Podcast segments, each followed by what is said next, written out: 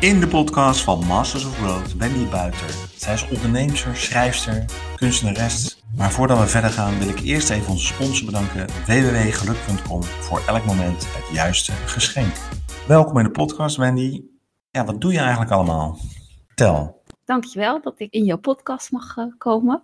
Hartstikke leuk. we ehm, kennen elkaar, daarom mocht dat. Ja. Dat nooit gemogen. Nee. Uh, wat doe ik allemaal? Ja, um, eigenlijk, uh, ik schilder, maak schilderijen en uh, die verkoop ik. Dat is eigenlijk waar het in het kort gezegd op neerkomt. Wat je nu doet. Wat ik nu doe, ja. Maar jij bent begonnen met een, een beautybedrijf en uiteindelijk had je op een gegeven moment het grootste beautybedrijf van Nederland. Kan je eens vertellen hoe dat gegaan ja, is? Ja, lang, lang geleden, dat was in 2005, heb ik Beauty Partner opgericht. En ehm, uh, bedrijf ja, wat gespecialiseerd was in make-up diensten. Vooral voor bruiden natuurlijk. En daar kennen wij elkaar eh, van uit die periode. En uh, dat ging eigenlijk hartstikke goed. Toen heb ik dat verder uitgebouwd tot een uitzendbureau. Waarbij je moet denken aan het uitzenden van beauty consultants, verkooppersoneel in de retail. Die dan voor de cosmetica merken in de warenhuizen, maar ook in de parfumerieën um, advies geven en verkoop doen. Ja, zo een bijenkorf bijvoorbeeld. Ja, precies. En dat door heel Nederland. En niet alleen uh, cosmetica, maar dat liep, uh, het werd steeds groter natuurlijk. Er kwamen allerlei producten bij, zoals uh, krulsets, onthardingsapparaten, ja, noem het maar op. En dat bedrijf, dat was dan echt gespecialiseerd in de werving van die mensen, het opleiden, trainen en ook de hele planning. Dus dan kwam er, kwamen er dozen met, ja, weet ik veel, de, de, de laatste mascara's, die werden dan opgestuurd naar ons kantoor. En dat gingen we weer herverdelen onder alle dames. En die gingen dat dan promoten op de locaties waar we dan weer ingedeeld waren. Dus dat, dat was de kern van dat bedrijf. Ja, en, en jullie deden ook opleiden. Zoals ook ja. een heel opleidingscentrum. Het was een prachtig pand in ja. Rotterdam. Ja. Eendrachtweg. Ja.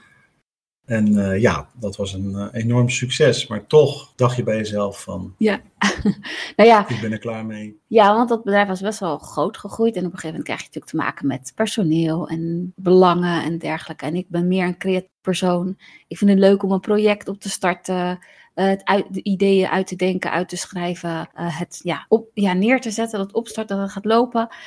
En dan op een gegeven moment, voor mij is het dan wel, wel weer gezien. Dan wil ik weer wat nieuws. Ja, de lol er vanaf. Dan wil ik juist weer wat nieuws gaan opzetten. En ik denk, ja, als het bedrijf groeit, dan, dan komen er gewoon andere dingen bij kijken. Dan moet je gaan managen en zo. En uh, dat is niet helemaal mijn ding. Maar goed, je hebt dat bedrijf wel lang gehad. Ja, tien jaar. Tien jaar. En op een gegeven moment kreeg je een compagnon erbij. Ja, compagnons. Ja. Compagnons zelfs, ja. En um, ja, waar Laten we beginnen eventjes, hoe heb je dat opgestart? Want ja, je doet niet zomaar een van de grootste, althans het grootste beautybedrijf van Nederland opzetten. Hoe, ben jij, wat doe je, wat kunnen we van jou leren? Oh, zo bedoel je. Ja, um, ik denk dat als, dan, als je dan kijkt naar wat zijn dan jouw, wat is, wat zijn dan jouw um, kwaliteiten daarin? Ja, ik zoek heel erg uit wat de markt nodig heeft en waar ik denk dat er iets te verdienen valt, zeg maar, waar een gat zit. En dat was destijds zo dat ik om helemaal naar het begin terug te gaan, als visagist werd ik dan vaker benaderd door bruiden. En dat ik dacht, ja, die hebben meer over voor iemand die een make-up komt doen dan iemand die naar een feestje gaat. Kijk, zo'n bruid die wilde echt perfect uitzien, want die moet op de foto. En ja, er zit gewoon uh, veel meer, er hangt veel meer aan af. Dus dat ben ik gaan oprichten als in een specialisatie, een dienst. Daar hadden we op een gegeven moment een fulltimer op zitten. Dat deed ik niet zelf meer, maar die deed gewoon vrijdag, zaterdag en ook de rest van de week... Uh, uh, de bruidenstijlen. En met ook heel veel freelancers erbij. Maar ook alles nabellen en zo. Je hebt een proefsessie. Dus ik merkte dat daar echt een um, uh, behoefte was. Grote behoefte was. En dat je dat ook echt neer kon zetten als een dienst waarvan je vaste prijs hebt. En je weet heel, goed wat de inkoop is. En hoe het geleverd moet worden. Ik had ook draaiboeken geschreven. Zodat eigenlijk elke freelancer precies wist wat hij moest doen. En toen ik vervolgens verder ging in de cosmetica branche. Zag ik dat er behoefte was aan dames op de werkvloer, omdat er tekort was aan goed personeel, wat flexibel inzetbaar was, vooral tijdens piekmomenten. Hè. Denk aan Valentijn, Moederdag, Kerst. Black Friday. Ja, dat, dat, dat is het vandaag. Ja, maar uh, en daar zag ik dus, uh, oh wacht eens eventjes, wat ze hier dus missen zijn representatieve beauty advisors, die sowieso iets kunnen vertellen over uh, huidverzorging en make-up het kunnen aanbrengen. En ook nog begrijpen dat het verkocht moet worden. Daar was gewoon behoefte aan. En uh, vanuit dat perspectief heb ik eigenlijk het bedrijf wat eerst een, um, eh, dienst was voor bruiden met name, eh, omgezet naar een uitzendbureau. En heb ik dat ja, echt dusdanig ja, op de schop gegooid, zeg maar. Van, Ja. Eh, je hebt dan eerst een bedrijf wat zich richt op vo- voornamelijk particulieren, maar toen werd het natuurlijk meer eh, business to business. Dus dat moest ik helemaal omgooien. Maar ja, dat, dat zijn mijn kwaliteiten. Denk ik dat ik het heel erg leuk vind om dan uit te gaan zoeken waar dan die, waar die krenten in de pap zitten, zeg maar. Voor, ja. Dus het gaat eigenlijk altijd om geld, of niet?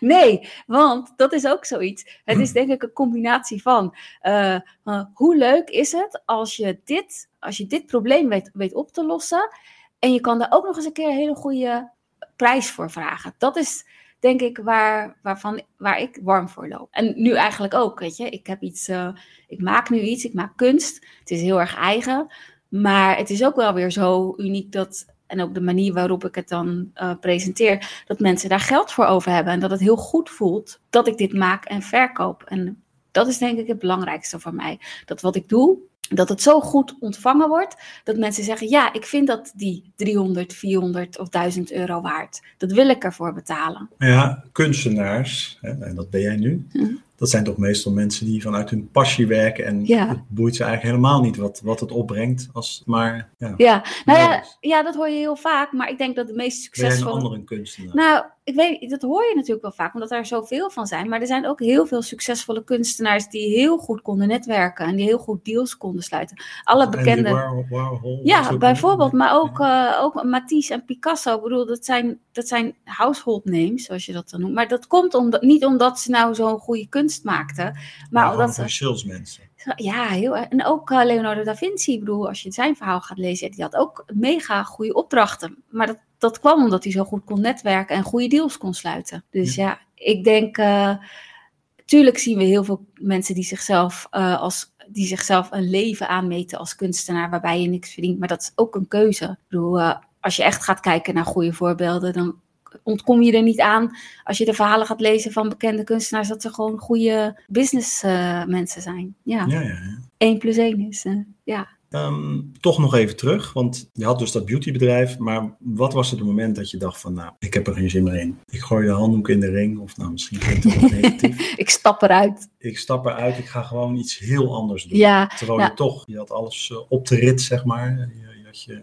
ja, op een gegeven moment, nou ja, wat ik zei, die, er kwam ook een investeerder bij. En dan gaat het natuurlijk om, ehm, ja, wat, wat komt er binnen? Wat gaat eruit? Wat blijft er over? En ook, ehm, ja, hoe manage je dat? Ja, ik ben gewoon, dat heb ik gemerkt, ik ben niet een, een persoon wat, ehm, ik, ik krijg geen energie van gezeur, zeg maar. Dat, eh, daar loop ik echt op leeg. had je, je had die keuze gemaakt voor een investeerder. Heb je daar dan spijt van later? Of had je zoiets van, nou, zo, zo moest het ook gewoon lopen? ja, zo moest het ook gewoon lopen. Ik denk ook, als je als een bedrijf groeit, dan kom je gewoon op een gegeven moment bij dat stuk aan van ja, ehm, het moet doorlopen en je hebt ehm, liquiditeit nodig. Dus ja, dan maar een investeerder. Ja. Want ja, er zit gewoon heel veel potentie in, maar soms dan moet je gewoon zo'n stap nemen. Ik denk dat elk bedrijf daar wel behoefte aan heeft op een gegeven moment. Ik bedoel, het is heel mooi als je organisch kan groeien, maar ja, op een gegeven moment wordt het gewoon zo groot dat je even een sprong moet maken. En dat was toen ook. Dus daar ontkom je niet aan, dat moest gewoon zo lopen. En als kunstenaar heb je dat niet, niet echt. Nee. En toen dacht je,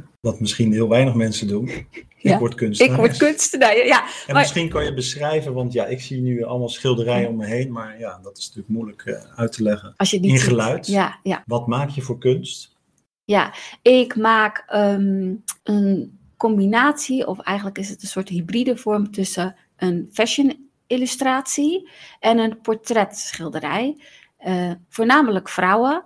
En je kan het misschien wel terugleiden naar mijn eh, verleden als visagist, waarbij ik het hartstikke leuk vond om met fotografen ehm, vrij werk te maken. Hè, met gekke dingen, bloemen in het haar, grote oorbellen, sjaals en dergelijke. Vooral de focus op de make-up, dus shoulders en up, hè, dus de portret. En eh, dat schilder ik nu. Ik maak dus nu portretten van fictieve vrouwen over het algemeen. Hè. Ik bedoel, ik maak wel eens iemand die ik naschilder, maar in principe is het fictief. Waarbij de nadruk ligt op de ogen, op de wimpers, op ehm, ja, eigenlijk een, je kan denken ook wel aan een advertisement visual van een make-up merk. Ja, want je ziet toch, je ziet een beauty erin. Ja, je toch die beauty Ja. die, Ja. als een rode draad door jouw eh, leven Precies. Ja, dat is eh, denk ik wel ja, zo, zoals je het kan omschrijven. Ja. Oké, maar je dacht, ik ga helemaal om. Het roer gaat om. Ja, ik het- word kunstenares. Ja, Wordt waarschijnlijk niet veel geld verdiend, maar ik ga ervoor. Ja. je gaat ervoor. Ja. En misschien nog even een detail. Ja, dat hoeft niet om zielig te klinken, maar je hebt ook een gehandicapte zoon. Ja, ja, En eh, ja, dat is natuurlijk eh, heel zwaar. Maar ja. Want Ik dat, ken je al wat langer, dus ja, ik vind het altijd heel bijzonder hoe je dat allemaal managt en hoe zo vrolijk dat je er altijd onder bent. Ja, nou ja, het was ook zo, dat, dat is dan ook weer, hè, het gaat, dingen die, die, die eh, bepaalde events, die komen toch altijd weer samen. Ik eh, had het heel erg druk op met hè, op kantoor zitten en het managen van een bedrijf, maar daarbij was ik ook alleenstaande moeder, kreeg twee kinderen, waarvan één dus de, gehandicapt bleek te zijn, daar kwam ik na een jaar achter. En eh, dan kom je in zo'n zwaar gehandicapt. zwaar gehandicapt. Ja. dan kom je in zo'n malle molen. En dan heb je te maken met eh, artsen, therapieën, speciaal, eh, speciaal onderwijs, ziekenhuisbezoeken. wat ook heel veel tijd in beslag nam. Waardoor ik dus in mijn eentje dat leven van een gehandicapt kind ook moest gaan regisseren. Dat kwam er ook nog eens een keertje bij. Dus ik had een gezond, een gezond jong kind en een gehandicapt kind. Eigenlijk een soort van, eh, ja, tropenjaren, om het zo maar te zeggen. Ja. En dat maakt het gewoon heel erg lastig als je dan, ehm, nou ja, met personeel zit, met compagnons zit, met investeerders zit. En ook nog eens een keertje alle bordjes in de lucht moet houden. En die mensen die snappen niet eigenlijk hoe, hoe je dat allemaal doet. En het, je kan het ook niet uitleggen, zeg maar. Als ik bijvoorbeeld zeg, ehm, ja, ik heb een huilbaby, hij huilt de hele dag en nacht. Dan zeggen mensen, oh ja, Vervelend. vervelend. voor je. Maar wat het met je doet, zien ze niet. Sterker nog, ik kreeg de opmerking, nou, je ziet er nog eh, wel goed uit, fris en fruitig. Ja, ik had niet geslapen, weet je wel. Dus het was wel zwaar. gewoon. ja, maar goed, dat was, dat was ook wel heel erg zwaar. En ja, de reden om dan ook te zeggen, ik stop met dat bedrijf, want dat gaf me ook een bepaalde vrijheid, omdat ik dan eh, de keuze kon maken. Eh, ja, ik maak geen afspraken op locatie, eh, want je moet met een kind ook op tijd, eh, moet je op tijd ophalen van school of ehm, kinderdagverblijf. Er komt zoveel bij kijken. En als je dan eerst als ondernemer, je weet het, als ondernemer werk je gewoon 80 uur of meer in de week. Ik bedoel, je bent altijd eigenlijk aan het werk, je bent altijd aan het bellen, je bent altijd je e-mails aan het checken en zo. Daar ontkom je ook weer niet aan. Dus ik had zoveel bordjes hoog te houden. Ja. Het gaf mij de vrijheid om dan wel die keuze te maken. Ik ben aan het schilderen en eh, ik heb aan niemand iets eh, verantwoording af te leggen. Ik hoef niet bereikbaar te zijn. En eh, ja, het was maar hopen dat er iets uit zou gaan komen Ja, natuurlijk. wel groot op de plank komen, Ja. toch? Ja, dus dat is heel Want hoe spannend. ga je daar dan mee om? Ja, is dat gewoon een kamikaze-actie of is dat best wel. Ja, ik denk het wel. Ik denk wel dat je dat wel zo kan. ben Ik je heb eigenlijk impulsief of ben je, Nou, van risico's? Ja, ik hou wel van risico's, want ik denk, ik hou wel, ik bedoel, ik zal, ik vind snel iets saai, zeg maar, dus ik hou wel van een risico. En ik heb alle schepen achter me verbrand, want ik heb totaal geen netwerk in de kunst of wat dan ook. En dat netwerk wat ik heb opgebouwd, waar jij er een van was, ja, daar had ik helemaal niks meer aan, hè? Met alle respect. Nee, ja, hartstikke leuk, Maurice, dat jij toen uit die, in die branche zat. Maar ja, ik bedoel, kon je niet bellen om eh, Nee. advies te vragen qua kunst? Nee. Dus eh, eh, ja, dat is wel een kamikaze-actie, denk ik. Ja, als je dat zo zou willen noemen. Ja. En hoe is het uitgepakt? Nou, heel goed, want eh, dat was in 2014. Toen ben ik gaan schilderen, ging naar de kunstacademie, ging allerlei cursussen volgen. En mijn doel was dan wel, hè, ondernemend als dat ik ben, van nou, ik wil iets maken wat ik leuk vind, wat heel erg eigen is. Daar ging ik wel naar op zoek. Dat was niet zo makkelijk als dat je misschien denkt, want ik ging ook eerst abstracte dingen maken. Je zou denken, oh leuk Wendy, je komt uit de cosmetica, logisch dat je dit soort portretten bent gaan maken. Maar dat was het eigenlijk niet, want ja, je kan van alles schilderen natuurlijk. Je kan landschappen, bloemetjes, weet ik wel. Maar uiteindelijk was dit dus wel, het is wel iets wat uit mijn zoektocht is gekomen naar wat ben ik, wat wil ik uit, eh, wat wil ik neerzetten, wat wil ik communiceren, zeg maar. Dus dat was wel een hele zoektocht, maar dat heb ik uiteindelijk gevonden. En dan moet je het nog gaan verkopen. Dus dat was ook wel, ehm, ik had wel al een website gemaakt waar ik dan ehm, mijn schilderijen op kon gaan zetten. Alleen ik had nog niks om erop te zetten. Maar ik denk wel dat dat dan wel onderdeel is van het ondernemerschap. Van oké, eh, je, je moet iets gaan verkopen, maar wat dan? En voor welke prijs? En hoe ga je dat dan doen? En beetje bij beetje, Instagram kwam toen net eh, op, want dat was eh, 2014, ja, Instagram sinds 2012. Ik had er nog niet zoveel mee gedaan, maar ik merkte dat als ik iets op Instagram postte, dat ik daar reacties op krijg over de hele wereld. En eh, die vroegen mij, ja, wat kost dit als ik het wil kopen? En dat ik dus moest gaan nadenken over de prijs. En zo ging dat lopen. En kwam ik ook op het idee, omdat ik er een print van had laten maken van een bepaald werk. Daar vroegen ze ook om. Ik had daar nog niet eens zelf over bedacht. Nou, dat ik die maar ging beschilderen, want ik vond die print een beetje saai, zeg maar. En nu, een aantal jaar verder, is dat dus eigenlijk mijn core business. Ik verkoop limited edition prints die uniek zijn omdat ik ze weer beschilder. En dat kun je kopen op mijn website. Maar dat hele proces wat daar dan aan vooraf is gegaan, dat was natuurlijk een hele zoektocht. Dat wist ik niet, dat het zo zou gaan lopen. Maar ja, dat, dat gebeurt aldoende. Leert men, zeg maar. Dus... En je hebt heel veel Instagram-volgers? Ja, ja. ja. Wel, 78.000? Ja, zoiets. 76, 77, ja. Maar dat is wel leuk, want op een gegeven moment dan uh, heb je dan dat mensen dan je werk gaan reposten. En dan komt er eens een BN'er voorbij, Fred van Leer bijvoorbeeld.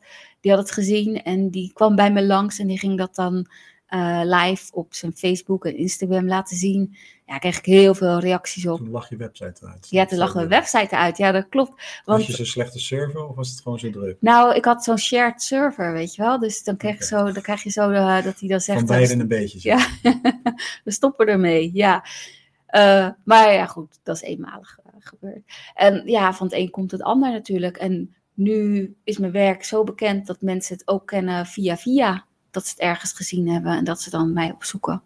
Dat en het wordt gepikt, hè? Uh, ja, net weer. Ja liep, ik, uh, ja, liep ik weer ergens tegenaan. En uh, ja, dat, is, dat vind ik dan wel. Dat is soms wel. Juist het grootste compliment. Ja, dat zeggen ze. Dat is een compliment als mensen je werk namaken of als ze het ergens op printen. En dan, nou ja. Geen toestemming vragen. Geen toestemming vragen. Het is, aan de ene, zijde, ene kant is het wel een compliment. Aan de andere kant is het ook wel weer jammer dat ze je dan niet daarvoor benaderen. Ja.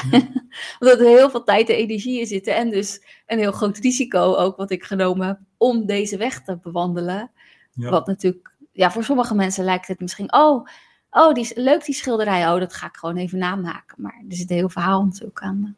Maar heb je dan ook planmatig dit opgezet? Of was het meer organisch, wat je zelf al zegt van, nou, dat leer daarvan, dat leer daarvan? Uh, ja, planmatig in die zin. Kijk, ik heb wel als doel dat ik wil dat mijn schilderijen heel bekend worden en dat er uh, heel veel mensen een mooi werk van mij in hun huis hangen. Of dat ik in ja, want jij, want dat weet ik nog van vroeger. Jij had vroeger, toen, toen je nog niet uh, het grote beautybedrijf had, toen had je ook al doelen. Hè? Dan had je mm. dingen opgeschreven of boven ja. je bureau gehad. Ja, ja moodboards. Ja, ja. ja, visual, visuals. Doe je dat nog steeds? Uh, en help je dat ook echt? Ja, ja, ik denk het wel. Ja, ik uh, heb echt wel in mijn notities heb ik, uh, ik schrijf, ik heb notitieboekjes waarin ik elke keer mijn doelen opschrijf, hoeveel ik wil verdienen, financieel zeg maar, maar ook uh, bijvoorbeeld dat ik, nou ja, ik ga binnenkort verhuizen naar de Zalmhaventoren, die kunnen vanuit hier zien. Ja. ja. en dat heb ik al jaren geleden heb ik dat opgeschreven, dus dat ja. werkt wel. Ja, dat je dan ergens naartoe werkt. Ja, dat je dat wel voor jezelf als um, doel hebt om ja, waar doe je het anders voor? Ja. Dus dat heeft jou wel uh, geholpen, zo. Ja. ja. Heb jij dan ook een ritueel, hoe je de dag begint? Uh, eens even zien. Nou, ritueel is, ja, het is wel een vast programma, denk ik. Ja, mijn dochter die moet naar school natuurlijk. Dus, uh, maar vervolgens, als die naar school is, dan staat mijn dag natuurlijk helemaal vrij te indelingen. Ik heb wel mijn agenda, maar in principe wat ik altijd probeer is zoveel mogelijk te schilderen, want dat is echt mijn productie, zeg maar. Dat is echt nieuw werk maken, dat is mijn hoofd. Dus ja, daar gaat het in principe om. En alles daaromheen, dat moet ook gebeuren. Dus een bestelling, hè, iemand heeft een werk besteld, ja, dat moet ik ook afhandelen. Dus dat zijn eigenlijk bijkomstige zaken die ik zo snel mogelijk probeer af te handelen ochtends dan. Hè, dus de bestellingen afhandelen, de mails beantwoorden, zodat ik de rest van de dag genoeg tijd heb om te creëren en podcast op te nemen. Ja, en ik bedoel ook van, heb je dan om steeds die lat hoger te leggen, dat, heb je daar ook een doel voor? Dat je daar ook rituelen voor hebt van hoe kan ik mezelf nog meer uitdagen om uh, vooruit ja. te komen? Mm, ja, dat, dat is ook een beetje dat heb ik wel, maar het is ook nog steeds wel ontdekken van hoe zorg ik ervoor dat ik beter werk maak, hoe zorg ik ervoor dat ik sneller werk maak. Dat vind ik nog steeds wel heel erg moeilijk. Uh, bijvoorbeeld, uh, ik heb, nou, dit is het een jaar geleden, half jaar geleden, heb ik een serie werken gemaakt voor een interieurbedrijf. Ik ben bevriend met de eigenaren. En uh, toen merkte ik wel dat, omdat ik mezelf echt had toegelegd, nou, ik moet zeker negen werken maken die allemaal in dit thema passen, merkte ik wel dat ik dus heel erg um, gefocust was op, op het creëren daarvan. Dus dat werkte wel. Maar ik vond het ook wel vervelend omdat het een stukje vrijheid wegnam. Van, de artiest in jou die uh, ja, omdat je, vond het vervelend.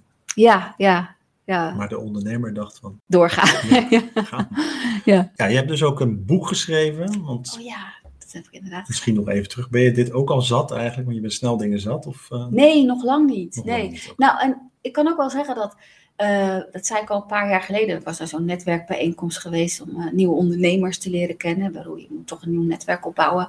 En toen kwam ik ook naar voren, mocht ik zeggen waarvoor ik daar was. En toen dacht ik ook, ja, want ik ging daarover nadenken, wat ga ik zeggen? Ik zei ja, eigenlijk is het gewoon de ultimate challenge. Want je moet wel heel bold zijn om te zeggen, hè, dan niet om mezelf op de schouder te kloppen, maar een statement van, ja, ik wil succesvol worden als kunstenaar. Uh, want als kunstenaar er heerst ook wel zo'n taboe op. Je mag niet echt succesvol zijn in die zin. Um, het moet vanzelf komen. Het moet vanzelf gaan en je mag er, en dat is ook het Nederlandse Calvinistische, denk ik. Je mag niet uh, gaan lopen pronken met wat je bereikt hebt. Hè? Dat is meer een Amerikaans model, maar in Nederland doe je dat niet. En bij kunstenaars mag dat wel helemaal niet. Tenzij je Jeff Koons heet natuurlijk, want die is heel erg. Hè? Maar uh, mijn, mijn, mijn statement was toen ook van ja, ik wil dit is mijn ultimate challenge om succesvol te worden als kunstenaar. En vandaar dat ik na een aantal jaar ook een boek daarover heb geschreven. Ik wil, de titel is Becoming a Successful Selling Artist, zeggende dat ik, dat, uh, dat ik daaraan werk, dat ik dat wordende ben, zeg maar. Ik ben het, nog, ben het al, maar het is altijd een proces waar je in zit. En je bent nog lang niet waar je wilt zijn. Tenminste, ik niet. We, we hebben allemaal als ondernemer wel doelen. En als je dat doel bereikt hebt, heb je weer een volgend doel. En heb je niet het probleem van dat je denkt, ja, maar dit houdt me van mijn focus af. Ja. Draagt het heel erg bij om dan nog eventjes tussendoor een boek te schrijven? Uh, ja, want ik, ik, vond het, ik vond het heel erg leuk om dat boek te maken. Ook omdat ik van heel veel mensen de vraag altijd kreeg van, ja, hoe doe je dat dan eigenlijk allemaal? Hoe, uh, je, uh, de manier waar ik het op doe, de, de marketing, mezelf zo neerzetten op Instagram met die foto's. En dan ook nog uh, moeder van twee kinderen, waarvan één gehandicapt. En ik doe dat ook alleen. En ze denken dan vaak, oh, er zit iemand achter die dat voor jou doet. Maar nee, en dat vertel ik dus ook in dat boek, hoe ik dan te werk ga. Dat ik uh, elke dag werk aan de hand van een lijstje wat ik doorstreep. Zodat ik wel uh, gefocust ben op wat is het belangrijkste. Een soort van to-do-list met prioriteiten.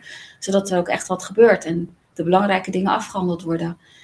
En um, dat ik altijd wel vooruit denk met um, wat ik ga doen, zeg maar. Wat, ik, wat belangrijk is om te. Maar brengt dat boekje dichter bij het doel dat je dat geschreven hebt? Uh, nou, niet zozeer. Was het een zijstap omdat je ja. impulsief bent, dacht van. Nou, zo impulsief. impulsief. Nee, want het, het boek, dat, het is wel grappig. Want nog voordat ik uh, kunstenaar was geworden, heb ik al dat, uh, de, de cover gemaakt van dat boek. Dat was in 2014, toen moest ik nog beginnen.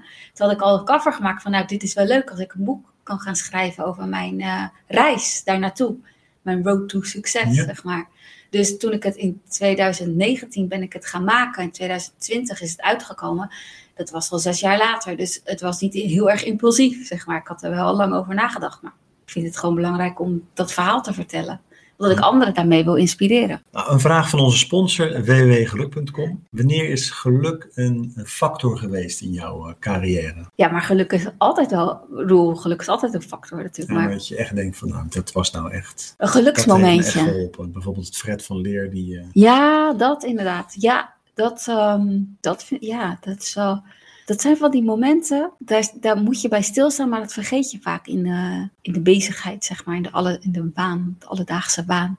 Maar inderdaad, dat was wel een geluksmomentje. Ja, of ja, zo zijn er natuurlijk wel meerdere, of dat mensen je benaderen en dat, dat er een... Uh, ik vind het wel heel erg leuk als er dan een, um, een klant zegt: Ik wil dat je een werk voor mij maakt, speciaal voor mijn vrouw of wat dan ook. Dat zijn wel van die geluksmomentjes. Of dat je ineens een bestelling uit Australië krijgt of zo. Ja. Wat is je verste bestemming? Ja, Australië, Nieuw-Zeeland, Amerika, Singapore. Ja, nou, Australië is het vers, geloof ik. Daar, daar gaat ook mijn werk naartoe, ja. Leuk. Hey, en uh, heb jij tips voor onze luisteraar? Wat moet je nou doen om uh, ook zo succesvol als jij te worden? Ja, het ligt eraan wat je wil hè, in het leven. Maar, um, Misschien sowieso doelen stellen? Ja, doelen stellen. Um, ja, ik vind het ik vind persoonlijk succes is als je doet wat je wil doen. Dus um, ja, dan zou ik zeggen risico's nemen. Juist een uh, beter. Soms is het een, uh, even een sprintje trekken en dan allemaal gekkigheid. En de andere keer dan eh, kan je je rust weer nemen. Maar ja, heel veerkrachtig zijn en dat heel lang volhouden.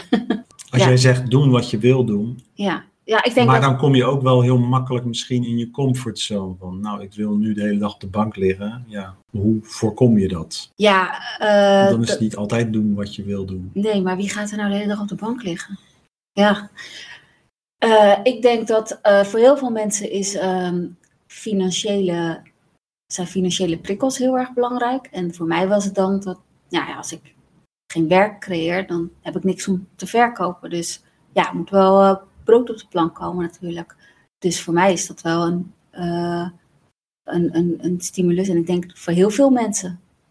Dus ja, zorg ervoor dat je eigenlijk, dat is, klinkt heel cru natuurlijk, maar zorg ervoor dat je ook geen andere kant op kan dan, dan ervoor zorgen dat je geld moet gaan verdienen. En dat je dus je bedrijf moet laten lopen en dat je elke dag daarmee bezig moet zijn. Doordat je die risico's neemt, ja. zet je jezelf klem en ja. dan moet je wel vooruit. Ja, precies. Je moet wel en vooruit. Sommige mensen zullen dan uh, bevriezen. Ja, omdat ze misschien een uitkering hebben of een partner hebben die hun uh, financieel ondersteunt. Ja, als je dat niet hebt, dan moet je wel. En als je geen uh, plan B hebt.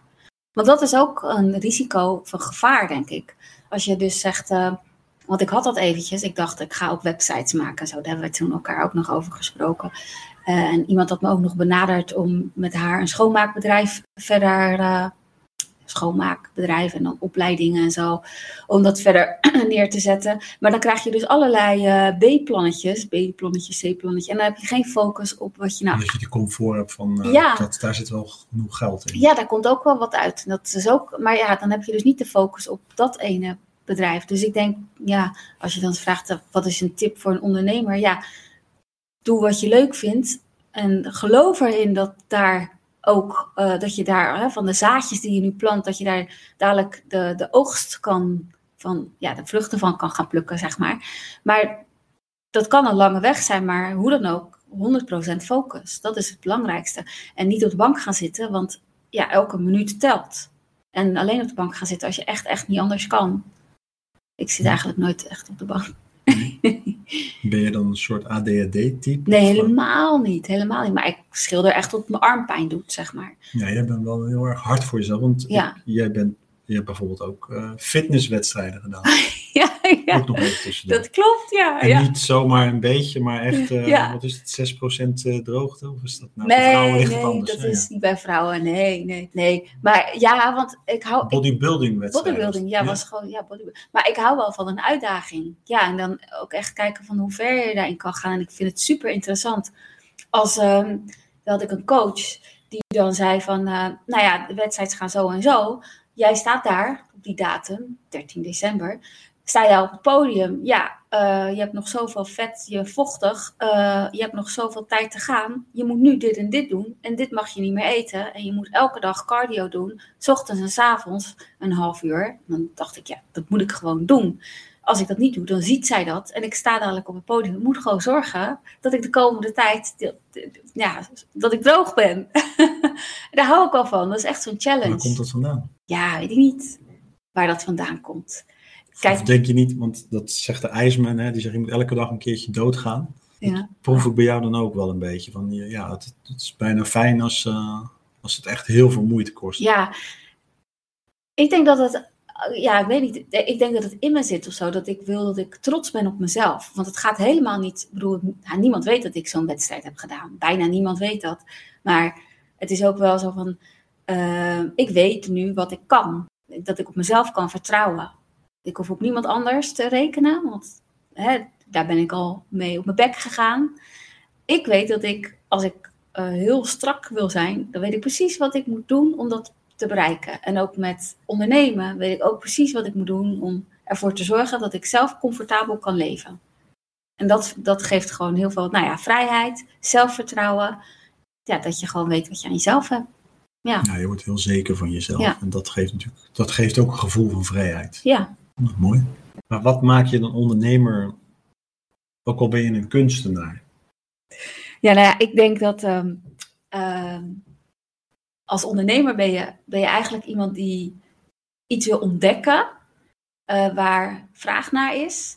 Iets wat of al bestaat, waar je eh, een twist aan wil geven. Bijvoorbeeld dat het goedkoper kan of beter kan.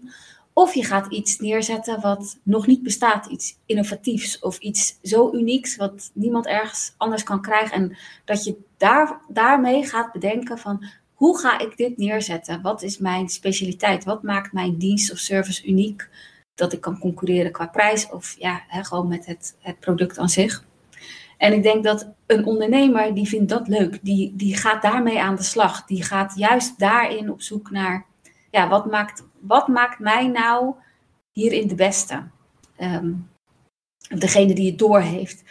Ik denk, hè, in mijn geval als kunstenaar, ik ben gaan zoeken naar iets wat nog niet bestaat. Ik ben kunst gaan maken, kunst bestaat natuurlijk, maar wat ik maak nog niet. Dat, was, dat is echt mijn werk. Kunst is altijd uniek. Ja, en wat ik wilde creëren was ook dat mensen als je nu een werk van mij ziet, zie je eigenlijk meteen dat het mijn werk is. Je ziet meteen, oh ja, dat is een Wendy Buiter, weet je wel. Dat was waar ik naar op zoek was gegaan. En ik denk dat dat iets is wat in een ondernemer zit. Je hebt natuurlijk ook ondernemers die zijn uh, bijvoorbeeld, die gaan uh, shakes verkopen, zeg maar. Hè, en dan krijgen ze, alle marketing wordt aangeleverd. Het is meer een soort van franchise. Ja, ik vind dat niet echt een ondernemer per sang. Creatief. Nee, het is maar meer... je een creatieve ondernemer. Dus. Ja, ja, maar dan heb Dan je je dat ook zelf verzinnen en doen. Ja, precies. Ja. ja. Maar ja, je hebt natuurlijk traders en je hebt uh, uh, mensen die een brand ontwikkelen. Ik denk dat ik meer dat ben, zeg maar. Ik vind het leuk. Maar ben je dan meer een kunstenaar? Wat voel je meer een kunstenaar of een ondernemer? Uh, ja, allebei een beetje. Ja. Misschien meer eerst een ondernemer en dan een kunstenaar. Ja, maar ja. Want als het niet verkocht zou worden, zou je het misschien ook minder leuk vinden. ja, weet niet. Zou ik nog steeds heel erg leuk vinden. Maar dan zou ik zou sowieso verkocht worden. Want dan zou ik gewoon iets anders zijn gemaakt. Zorgen dat het verkocht Je Ja. zou gewoon zorgen. Nou ja, dat is Ja. toch die ondernemer natuurlijk. Hey, en is het doel, eh, ja, wat is het doel? Waar zie je jezelf over vijf jaar? Ben je, wil je een Picasso worden? Ja. Ja, Heb je dat ook echt als doel Ja. gesteld? Blue chip artist. Ja, het is natuurlijk wel een lange weg te gaan. Blue chip artist. Ja, zo heet het zo eh, thuis Ja. in de... Wat, wat, wat Dat, dat zijn eigenlijk de kunstenaars die door alle galleries over de hele wereld, zeg maar, je hebt, je hebt qua galleries heb je C galleries, B galleries en A galleries. En dat zijn dan zeg maar echt de galleries waar de, echt de bekende kunstenaars eh, hangen. Nou, dat zijn dan de blue chip die, nou ja, die op de secondary art market, dus via de veilinghuizen en zo, heel erg, eh, voor heel erg grote bedragen worden verhandeld. En dat, dat gaat natuurlijk niet zomaar. Ik bedoel, dat, dat, dat zal nog 40 jaar duren. Dus als je ze vraagt, waar zie je Meestal over... wo- worden kunstenaars bekend als je dood bent. Ja, dus ja. Afkloppen. maar eh Picasso is heel oud geworden natuurlijk. Die was ook tijdens de carrière... Misschien is dat het doel wel. Voor je dood wil je gewoon een blue chip artist zijn. Ja, maar die, eh, Picasso was ook al tijdens zijn carrière heel erg eh, bekend. En eh, ja, weet je, het is ook marketing, hè, want daar wordt nu ook werk nog steeds van. er Komt er ineens weer iets op de markt? Ja, dat is gewoon heel slimme marketing, want de familie houdt dat vast. En dan eens in de zoveel tijd wordt er weer wat vrijgegeven. Oeh, een nieuwe Picasso op de markt. Ze juist een marketeer in de armen genomen. Ja, ja. Ook met Van Gogh natuurlijk, die heeft niks verkocht. Maar een slimme tante heeft dat vervolgens eh, gemarketeerd. En eh, ja. Is dat misschien ook jouw kracht dat je dat ook inziet nu van ja, ik ben dus en die artiest, met de meeste, althans artiest, kunstenaar, die hebben geen gevoel voor marketing en juist die combinatie maakt het juist zo, Ja, ik denk dat je zo wel- dodelijk, zeg maar, althans zo, zo, zo- Ja, ik denk dat er wel een slimmigheidje Scherp, in is. Want bijvoorbeeld al mijn originele werk hou ik zelf. En ik verkoop de limited editions. Dus de, de waarde van het originele werk. Je hebt nooit een origineel werk voor. Nou, soms, hè, als mensen naar me toe komen, ik wil echt het originele werk hebben. Maar in principe verkoop ik die niet. Juist met het doel dat ik dat vasthoud. Want hoe meer editions ik ervan verkoop, bijvoorbeeld van Queen Bee, het werk wat achter je staat. Ik verkoop een aantal limited editions en de oplages van verschillende eh, maten zijn bijna allemaal uitverkocht. Dus dit werk is gewoon heel waardevol, het originele werk. Ik denk dat dat ook wel een, eh, een belangrijk punt is. Bewust ook Ja, gedaan, ja. ja. Dat doe ik bewust, ja. Is dat dan niet allemaal heel berekenend? Als je erover nadenkt. Ja, ik denk het wel. Maar ja, dat is toch leuk. Geen probleem. Geen probleem. Oké, nou we gaan afsluiten. Wil jij nog iets eh, zeggen tegen de ondernemers van schop onder de reet geven? Kom Ja. op. ja, eh, geen bankhanger zijn. Uit, zorgen dat je uitgerust bent, op tijd naar bed en eh, heel veel boeken lezen van andere ondernemers. Podcast luisteren vooral. Dan kom je er wel. nou, goed. Nou, ik wil je hartelijk danken. En onze sponsor natuurlijk, www.geluk.com voor elk moment het juiste geschenk. Leuk. Ja, nou dankjewel dat ik uh, in je uitzending mocht zijn. Jij bedankt. De podcast. Leuk.